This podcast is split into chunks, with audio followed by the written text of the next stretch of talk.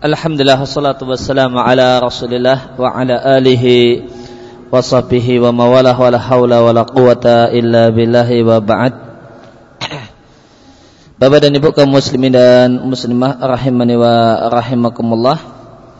Kembali kita lanjutkan pembahasan hadis Jibril. Dialog Nabi sallallahu alaihi wasallam dengan malaikat Jibril tentang Islam dan iman.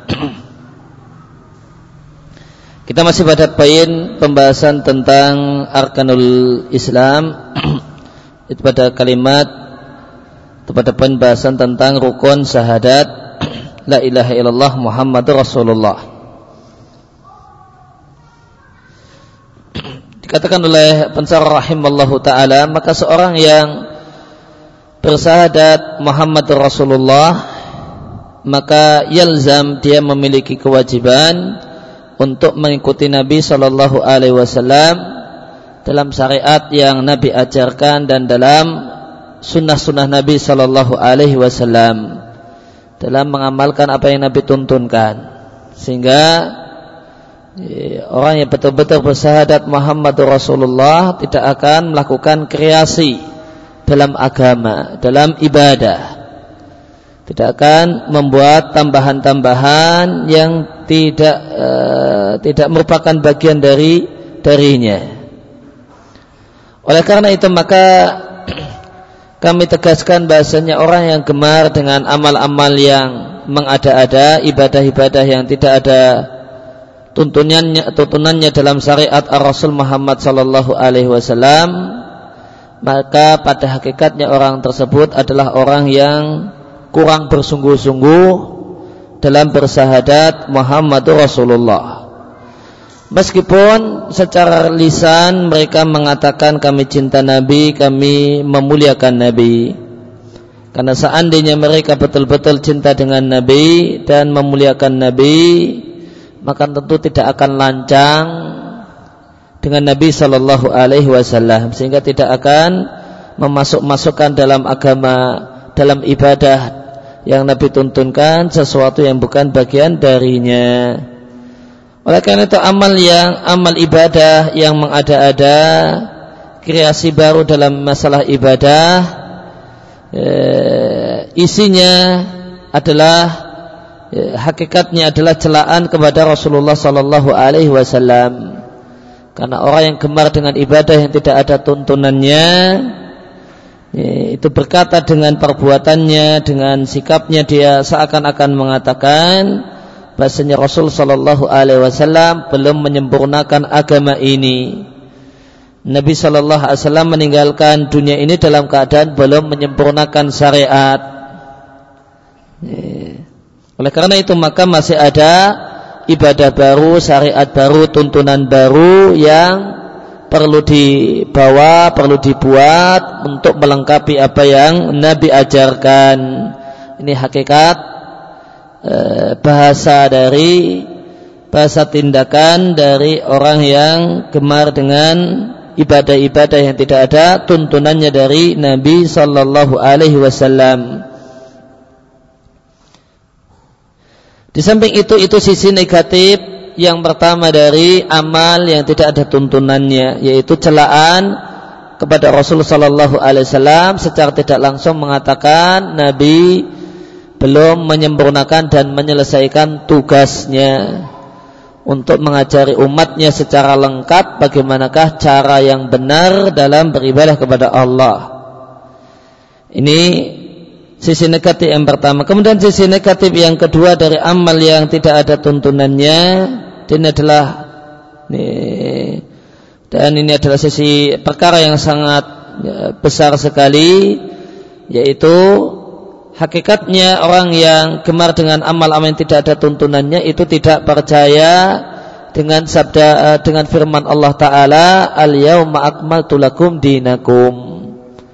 Di Al-Maidah ayat yang ketiga yang menegaskan Islam itu telah sempurna maka jika kita karena jika Allah Subhanahu wa taala menegaskan kalau agama telah sempurna, maka artinya tidak ada lagi ibadah setelah selain apa yang diajarkan oleh Ar-Rasul alaihi salatu wassalam.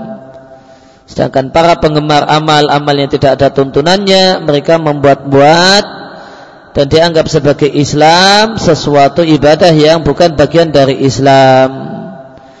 Ya, maka mereka buat-buat e, boleh jadi bacaan tasbih dan tahlil yang tidak Nabi ajarkan atau gerakan-gerakan tertentu yang diyakini berpahala dan yang lainnya padahal Nabi Shallallahu Alaihi Wasallam tidak mengajarkannya. Oleh karena itu maka sisi negatif yang kedua dari berkreasi dalam ibadah adalah pada hakikatnya orang tersebut mendustakan konten dan isi dari firman Allah Ta'ala Al-yawma akmaltu lakum dinakum ya, Telah kusempurnakan untuk kalian Islam yang merupakan agama kalian Demikian pula maka orang yang gemar dengan amal yang tidak ada tuntunannya itu pada hakikatnya mencela Rasul sallallahu alaihi wasallam dan menuduh Nabi tidak menyempurnakan syariat untuk manusia. Dan tentu itu satu hal yang mustahil. Ya, maka inilah dua sisi negatif yang sangat berbahaya dari kegemaran dan hobi dengan Ya, ibadah-ibadah yang tidak Nabi tuntunkan namun diyakini menjadi bagian dari ajaran Islam.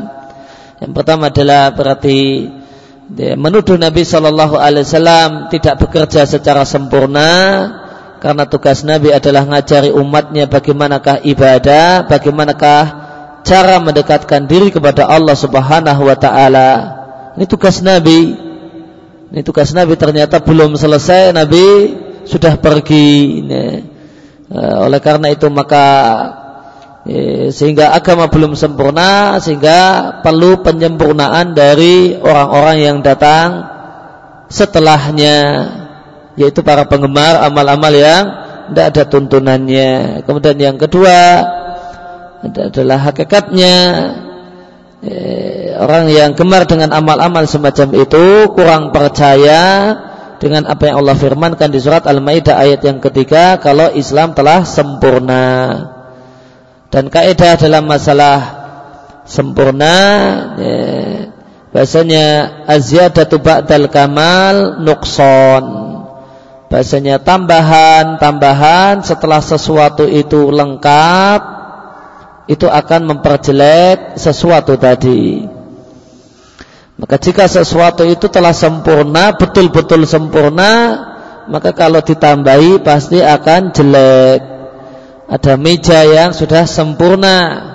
Nih, meja yang sudah sempurna sebagaimana meja di depan saya ini ya, ditambahi kalau betul-betul sempurna kemudian ditambahi malah ya, ini kakinya sudah empat berarti sudah sempurna. Tambahi di tengah-tengah satu ini, ini tambahi lagi di sebelah utara ini tambah satu lagi nah, apa yang terjadi? Nah, ya, tidak menjadi tambah baik namun tambah jelek. Kemarin ketika masih tiga tambahi satu jadi bagus setelah empat sempurna nggak menerima tambahan karena memang model meja ini ya, tidak menerima kecuali empat kaki saja. Ya, dia bukan model berkaki enam atau berkaki delapan. Ya. Modelnya memang berkaki empat. Ya, sudah kakinya empat ditambahi menjadi berkaki lima. Nah, itu menjadi kejelekan. Ini kaidah orang Arab aziyadatu ba'dal kamal nuqsanun. Adanya tambahan-tambahan setelah sesuatu itu sempurna itu akan memperjelek sesuatu yang semula sudah sempurna. Kemudian e, seorang yang betul-betul bersahadat Muhammad Rasulullah, konsekuensi yang lain adalah mempercayai semua yang Nabi ceritakan. Maka semua ya semua cerita yang terdapat dalam hadis yang sahih wajib kita yakini itu benar dan seperti itu. Kita tidak boleh menolak cerita yang Nabi sampaikan dengan akal ya, ataupun dengan pengandaian-pengandaian kita ataupun dengan imajinasi dan bayangan pembayangan-pembayangan kita. Nabi cerita misalnya nanti di mahsyar ya, ya, matahari dengan kepala manusia itu cuma satu mil. Ya, ada yang mengatakan mil itu mil jarak, berarti satu setengah kilo kurang lebih, atau mil itu adalah mil alat untuk pensil celak yang kurang lebih cuma satu jengkal atau lebih sedikit. Maka ya, tidak boleh hal ini ditolak dengan kita berandai-andai, kita ya, pengandaian kita lu kalau kita andaikan dengan dunia, Loh, dunia saja. Nah, ya, kalau geser matahari itu 5 cm hangus bumi, mati semua. Nah, masa sih? Nah, cuma satu setengah kilo dari kepala manusia, ternyata manusia ndak, ya, ndak, ndak apa-apa. Ya, maka dipertanyakanlah hadis Nabi Shallallahu Alaihi Wasallam dengan pengandaian-pengandaian akal dan imajinasi-imajinasi yang dibuat oleh akal kita. Nah ini satu hal yang tidak diperkenankan. Seandainya kita betul-betul beriman, ya, karena seandainya kita tidak mau percaya kecuali dengan sesuatu yang dibenarkan oleh akal, maka ini bukanlah seorang mukmin yang hakiki. Namun adalah orang yang mengikuti hawa nafsu dan bukan orang yang mengikuti petunjuk Nabi. Adapun orang yang betul-betul beriman dengan Ar-Rasul alaihi salatu wasalam, ya, maka dia akan berkomentar untuk semua cerita dan berita yang betul-betul Nabi sampaikan berdasarkan hadis yang sahih, sami'na wa amanna. Kami dengar dan kami imani wa dan kami percayai. Adapun uh, berita yang Nabi sampaikan kemudian kita tanggapi dengan mengatakan kaifa Bagaimanakah kok bisa seperti itu? Kaifa yakunu? Bagaimanakah jadinya jika seperti itu? Maka ini adalah ucapan orang yang tidak betul-betul beriman dengan Nabi.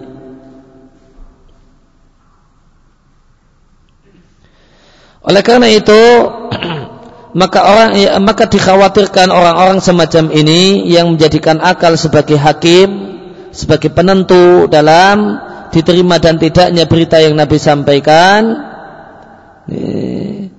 dikarenakan mereka tidaklah menerima kecuali yang dibenarkan oleh akal padahal akal manusia tidaklah diragukan itu terbatas. Maka orang yang punya prinsip semacam ini dikhawatirkan mereka bukanlah orang yang betul-betul beriman dengan Rasulullah Sallallahu Alaihi Wasallam. Dan bukanlah orang yang betul-betul bersahadat Muhammad Rasulullah secara sebenarnya maka minimal ada pada diri mereka kualitas yang jelek sahadat dengan kualitas yang jelek berbanding lurus dengan seberapa besar keraguan mereka terhadap berita yang Nabi sampaikan semakin besar keraguannya maka semakin Eh, semakin berkurang kadar kualitas sahadat Muhammad Rasulullahnya. Demikian pula di antara bentuk nyata orang yang betul-betul bersahadat Muhammad Rasulullah adalah tidak hulu, tidak berlebih-lebihan dalam bersikap kepada beliau. Ya, kalau orang itu berlebih-lebihan hulu terhadap Nabi, maka dia akan memposisikan Nabi lebih tinggi daripada posisi yang Allah berikan kepada beliau. Ini posisi yang Allah berikan kepada Nabi adalah hamba Allah. Maka orang yang berlebih-lebihan dalam menyikapi beliau, maka ya, bisa kita simpulkan seakan-akan Nabi itu lebih tidak, bukanlah hamba Allah Subhanahu wa taala. Semisal adanya orang-orang yang meyakini kalau Rasul Shallallahu Alaihi Wasallam itu bisa menghilangkan kesusahan sampai-sampai di dekat kuburnya secara langsung mereka meminta kepada Nabi Shallallahu Alaihi Wasallam agar menghilangkan kesusahannya dan memberikan manfaat kepadanya. Sikap semacam ini yang ini nyata dijumpai ya, di Masjid Nabawi dan di dekat makam Nabi adalah bentuk sikap berlebih-lebihan kepada Rasul alaihi salatu wassalam dan bentuk menyekutukan Allah Subhanahu wa taala. Karena tidak ada yang bisa menghilangkan kesusahan, menghilangkan sakit dan membawa menghadirkan kesembuhan kecuali Allah Subhanahu wa taala. Dan Nabi Shallallahu Alaihi Wasallam setelah wafat beliau, dia tidak punya kekuasaan apa pun untuk diri beliau sama sekali. Oleh karena itu para sahabat tatkala mereka tertimpa pacaklik di zaman Amirul Mukminin Umar bin Al-Khattab radhiallahu anhu yang eh, maka mereka meminta hujan di masjid Rasul Sallallahu Alaihi Wasallam. Namun mereka tidak datang ke kubur Nabi minta kepada Nabi. Mereka tidak datang ke kubur Nabi untuk mengatakan wahai Nabi berdoalah kepada Allah untuk kami agar Allah segera menurunkan hujan. Ya, wahai Nabi, ya, mintakanlah kepada Allah Subhanahu wa taala untuk kami sehingga turunlah hujan. Mereka tidak mengatakan demikian. Namun eh, saat itu sahabat kumpul di masjid di masa Umar dalam keadaan Madinah kering kontang, lama tidak turun hujan dan Umar mengatakan, "Ya Allah, dulu kami ketika Nabimu hidup, kami datang kepada Nabi dan meminta kepada Nabi kami untuk berdoa kepadamu agar engkau turunkan hujan pada kami." dan kau pun dulu telah turunkan hujan kepada kami. Nah sekarang kami ya Allah kami meminta kepada paman nabimu yaitu Al Abbas bin Abdul Muttalib agar dia berdoa kepadamu maka ya Allah turunkanlah hujan kepada kami melalui doa paman nabi demikian ya dikatakan oleh dan dilakukan oleh para sahabat Kemudian Umar memerintahkan Abbas untuk berdiri dan berdoa kepada Allah agar Allah menurunkan hujan. Lihat ini peristiwa di Masjid Nabi eh, yang rumah Aisyah itu tidak jauh dari Masjid Nabi ketika itu karena masih di luar masjid. Ya, maka Umar tidak datang ke kubur Nabi kemudian mengatakan wahai Nabi doalah pada Allah supaya Allah turunkan hujan pada kami. Sebagaimana kami dulu ketika engkau masih hidup ya, ketika kering kerontang kami datang kepadamu dan meminta kepadamu untuk berdoa. Nah kira-kira kenapa sahabat demikian dan nanti tentang kisah di atas diatkan oleh Al-Bukhari dalam sahihnya. Kenapa kira-kira demikian? Kenapa sahabat yang ada di Masjid Nabawi yang tidak jauh dengan dari rumah Ibunda Aisyah ya, tidak sowan saja ke makam Nabi dan ngomong sama Nabi dari balik ini begini-begini? Maka jawabannya karena Nabi Shallallahu Alaihi Wasallam sudah meninggal dunia dan berlaku untuk beliau apa yang berlaku untuk umumnya manusia bahasanya beliau sudah tidak lagi bisa beraktivitas melakukan amal soleh. Ya, sebagaimana sabda Nabi Shallallahu Alaihi Wasallam idza matal insanu in anhu amaluhu. Jika orang itu telah manusia itu telah meninggal dunia maka dia sudah tidak lagi bisa beramal. Sudah tidak lagi bisa sholat sudah tidak lagi bisa berpuasa sudah tidak lagi bisa berdoa dan seterusnya maka putus sudah uh, maka sudah tidak lagi bisa beramal dan sudah tidak lagi mendapatkan pahala amal kecuali dari tiga saluran sedekah jariah yaitu wakaf, ilmu yang diambil manfaatnya yang diamalkan setelah beliau meninggal dan anak soleh yang mendoakannya.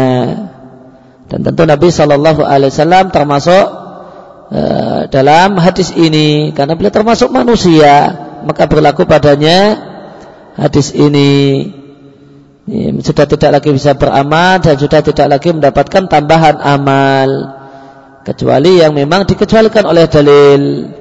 Ini, kecuali jika memang dikecualikan oleh dalil.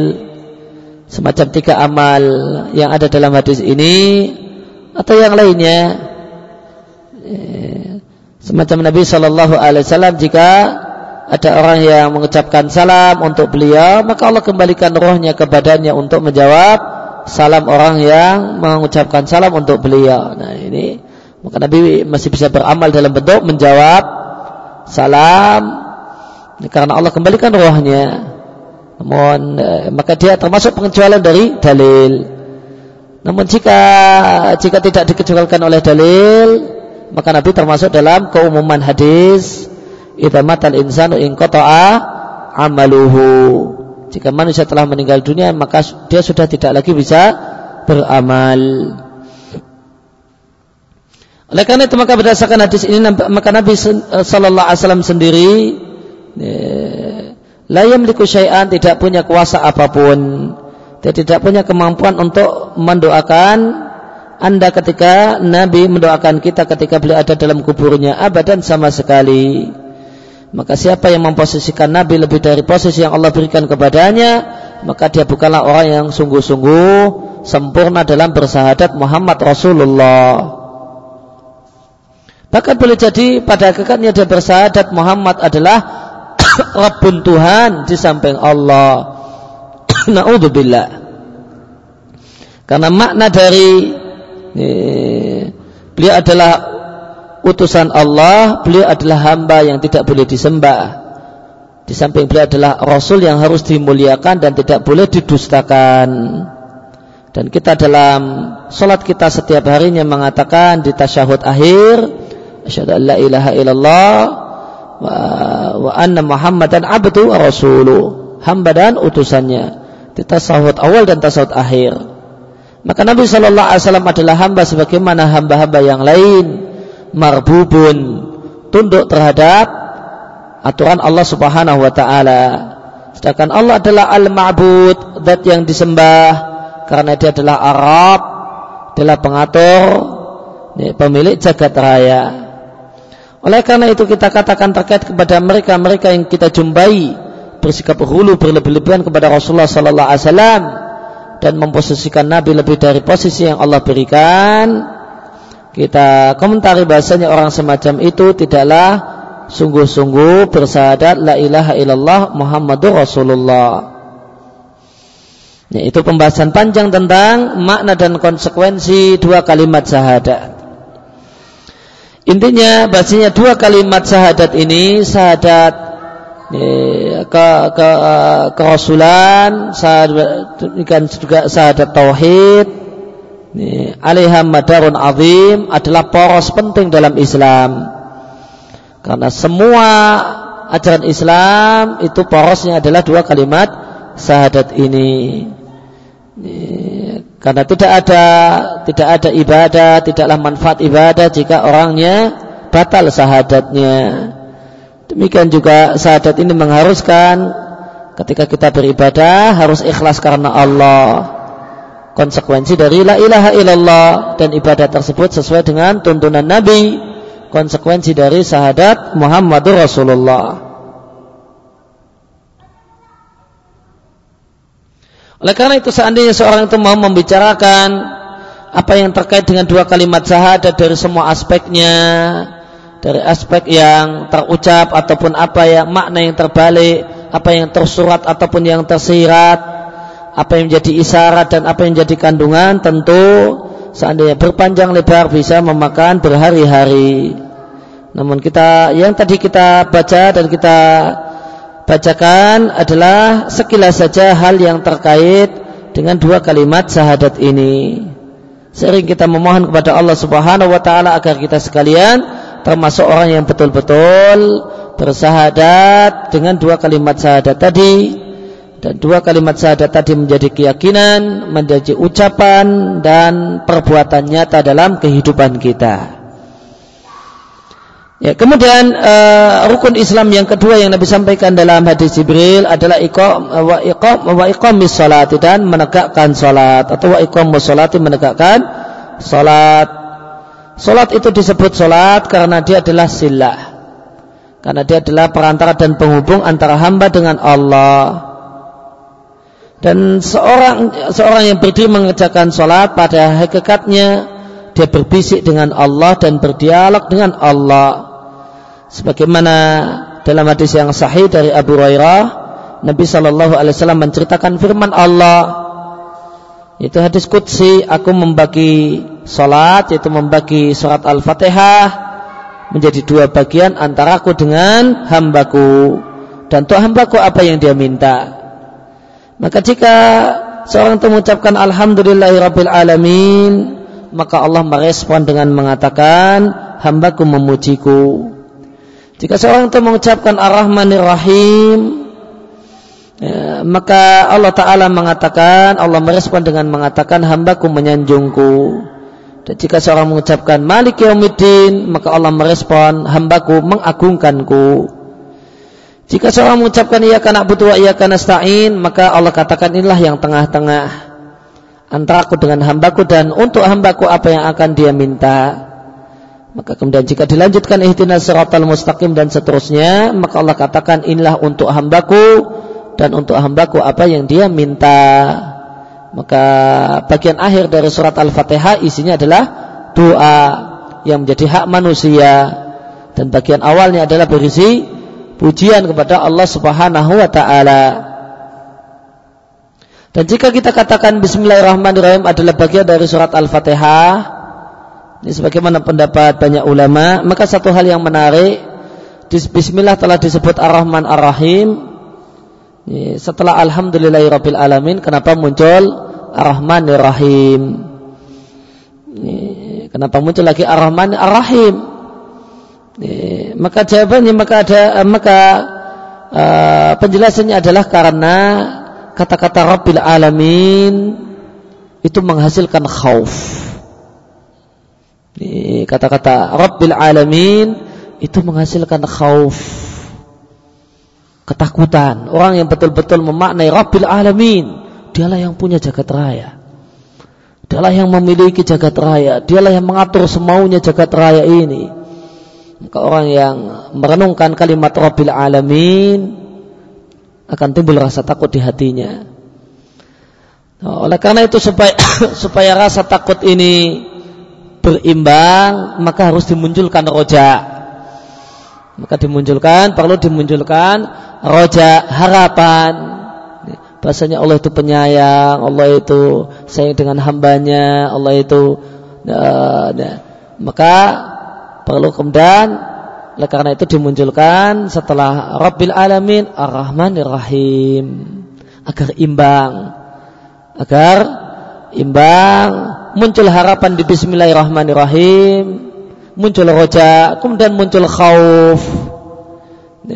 maka jangan sampai khauf ini menutupi roja yang telah ada karena ketakutan dengan kengerian Rabbil Alamin.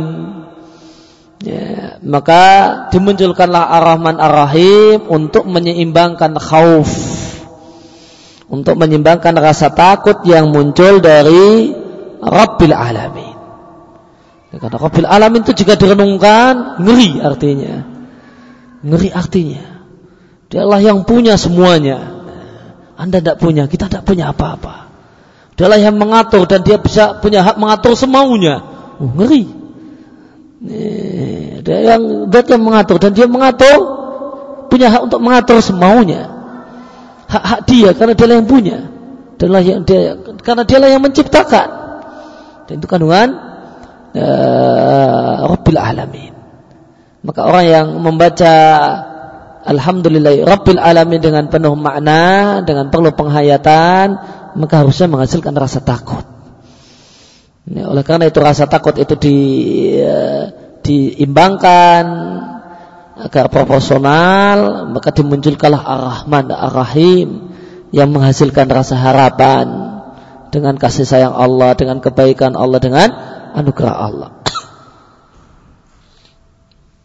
Maka perhatikanlah bagaimana dialog dan bisik-bisik antara manusia dengan Tuhannya ketika membaca Al-Fatihah.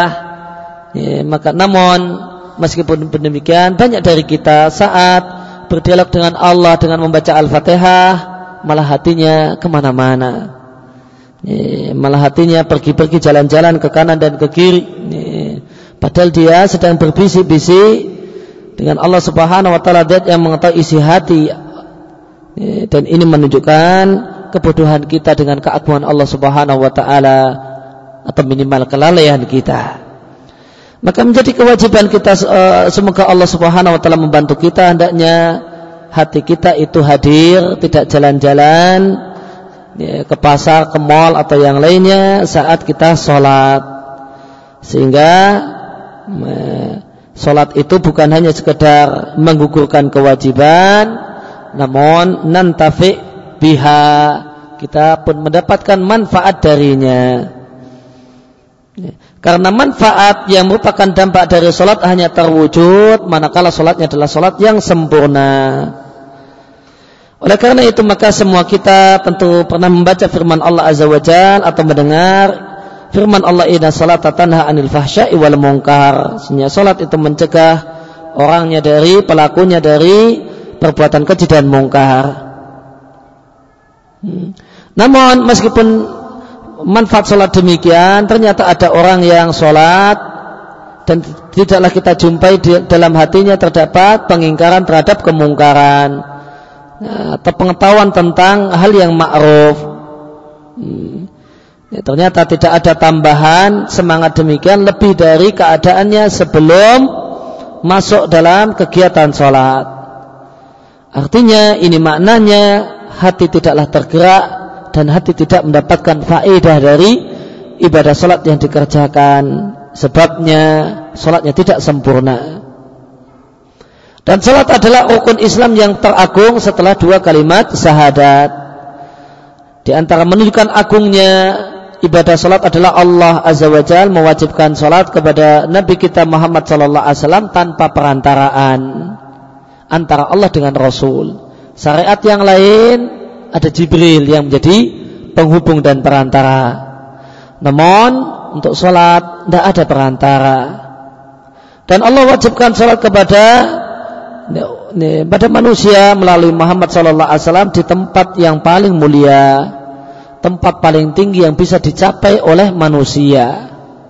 Karena Allah wajibkan salat pada Nabi sallallahu alaihi wasallam di Sidratul Muntaha.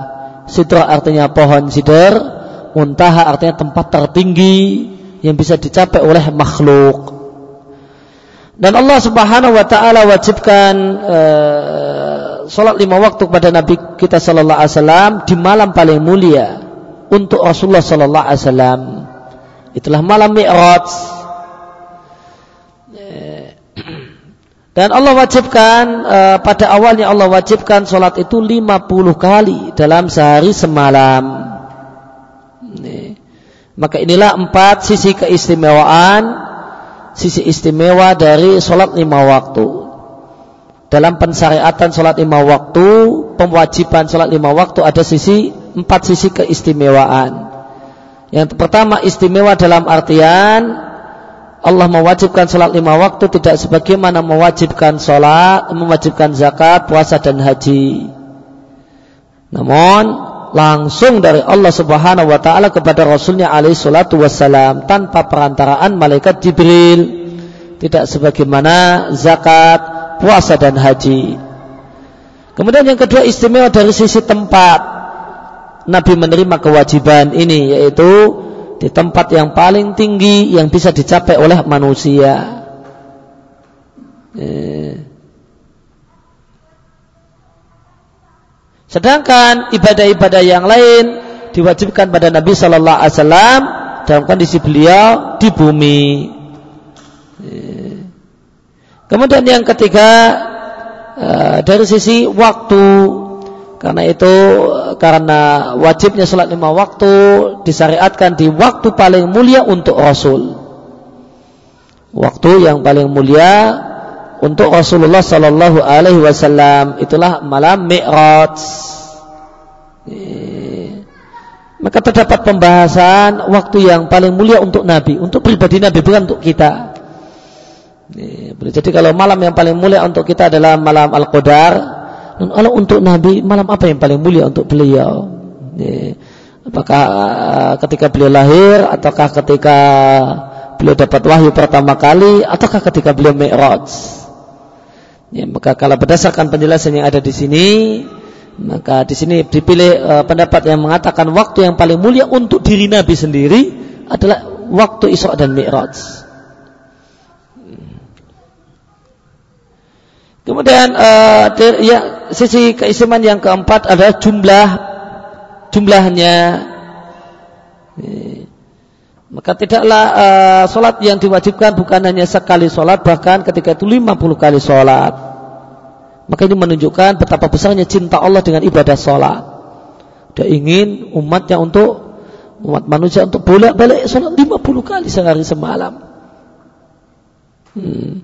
Artinya maknanya ini menunjukkan bahasanya Allah ingin dan sangat suka jika hambanya itu terus menerus sibuk mengerjakan sholat.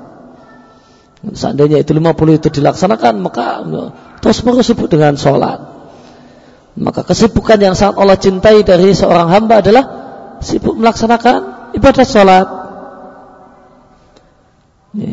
Akan tapi Allah jadikan segala sesuatu memiliki sebab.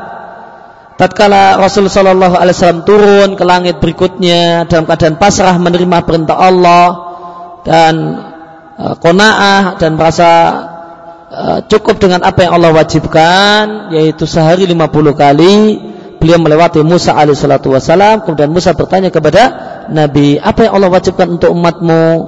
Nabi mengatakan 50 kali sholat dalam sehari semalam. Maka Musa mengatakan umatmu tidak mampu karena aku jarab tunas ke belakang eh, Musa mengatakan aku lebih berpengalaman daripadamu dalam mengurusi manusia nah, jarab tuh aku telah punya tajribah, aku punya pengalaman untuk ngarusi manusia. Wa alat bani Israel, aku tunangan bani Israel susah payah tidak karuan.